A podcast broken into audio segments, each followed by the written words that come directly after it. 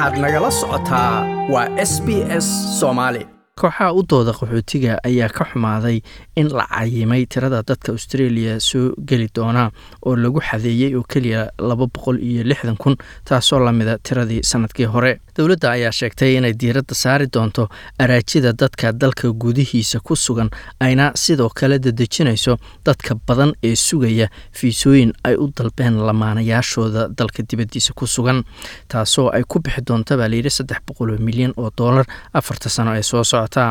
con carabiniya tiris waa madaxa asylum seeker resources center. Wuxuu sheegay in dadka cusub ee dalka soo dega ay laga maarmaan u yihiin dhaqaalaha ama kobaca dhaqaalaha iyo miisaaniyadda dalka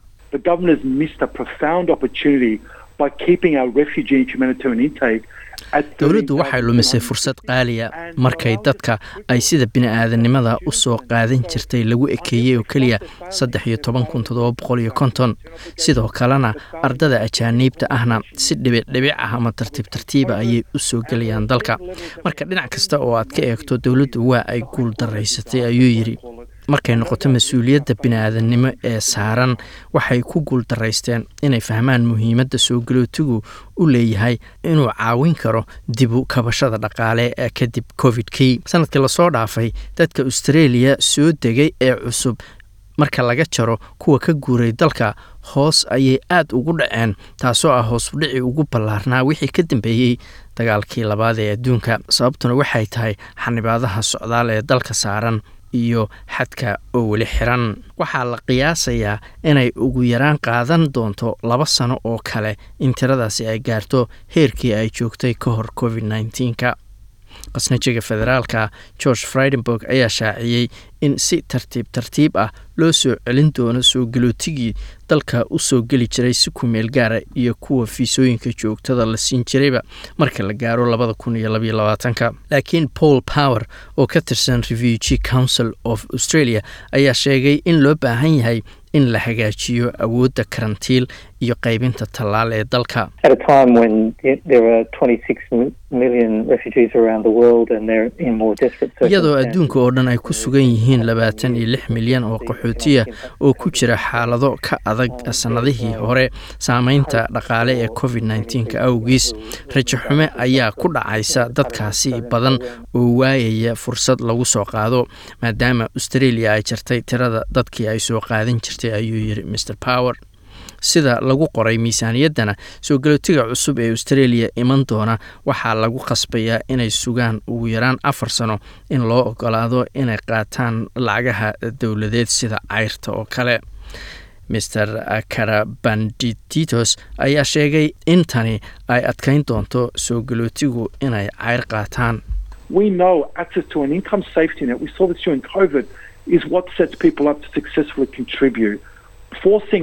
waa in qofku helo dakhli si uu markaasi u badbaado.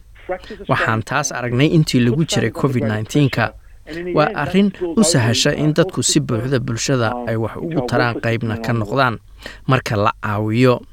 in qoyska soo galootiga lagu khasbo culays dhaqaale muddo afar sano ah waa ay burburinaysaa qoyska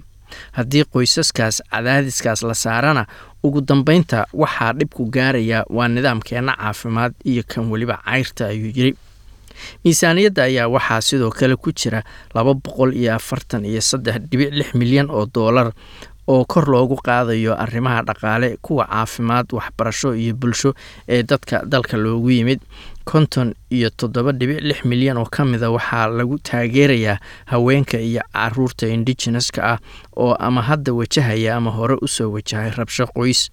Paul ride waa madaxa urur matala bulshooyinka dalka loogu yimid oo la yidhaahdo aboriginal and torres straight islander people organization ama entar loo soo gaabiyo. Wuxuu soo dhoweeyey in qarash dheeraada lagu bixinayo adeegyada xanuunada dhimirka.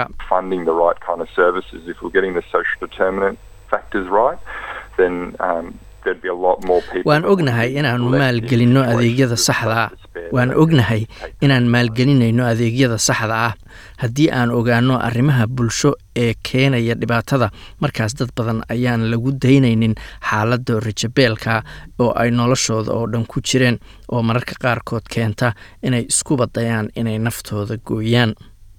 Dowladda ayaa sidoo kale maalgelinaysa yoolka xiridda farqiga nololeed ee u dhexaysa bulshada dalka loogu yimid iyo shacbi weynaha intiisa kale waxaa lagu sii kordhinayaa qorshayaal ay dowladdu horey ugu dhawaaqday laakiin master right ayaa sheegay in lacagahan miisaaniyaddu aysan ahayn kuwo iskeenaya it doesn't even come close to that kind of financial resourcing commitment to actually deliver on what wax u dhow xataa ma aha qarashka loogu baahan yahay in lagu fuliyo howlaha ay rabaan inay wax ka qabtaan tobanka sano ee soo socda. marka waa aan ka walaacsanahay sida ay u fulinayaan yoolkii lagu heshiiyey sannadkii hore weli su'aal ayaa taagan ayuu yidhi. Miisaaniyadda caawana kama ay jawaabin su'aashaasi ma doonaysaa sheekooyinkan oo kale. Ka dhegayso apple podcast google podcast spotify ama meel kasta oo aad podcastigaaga ka hesho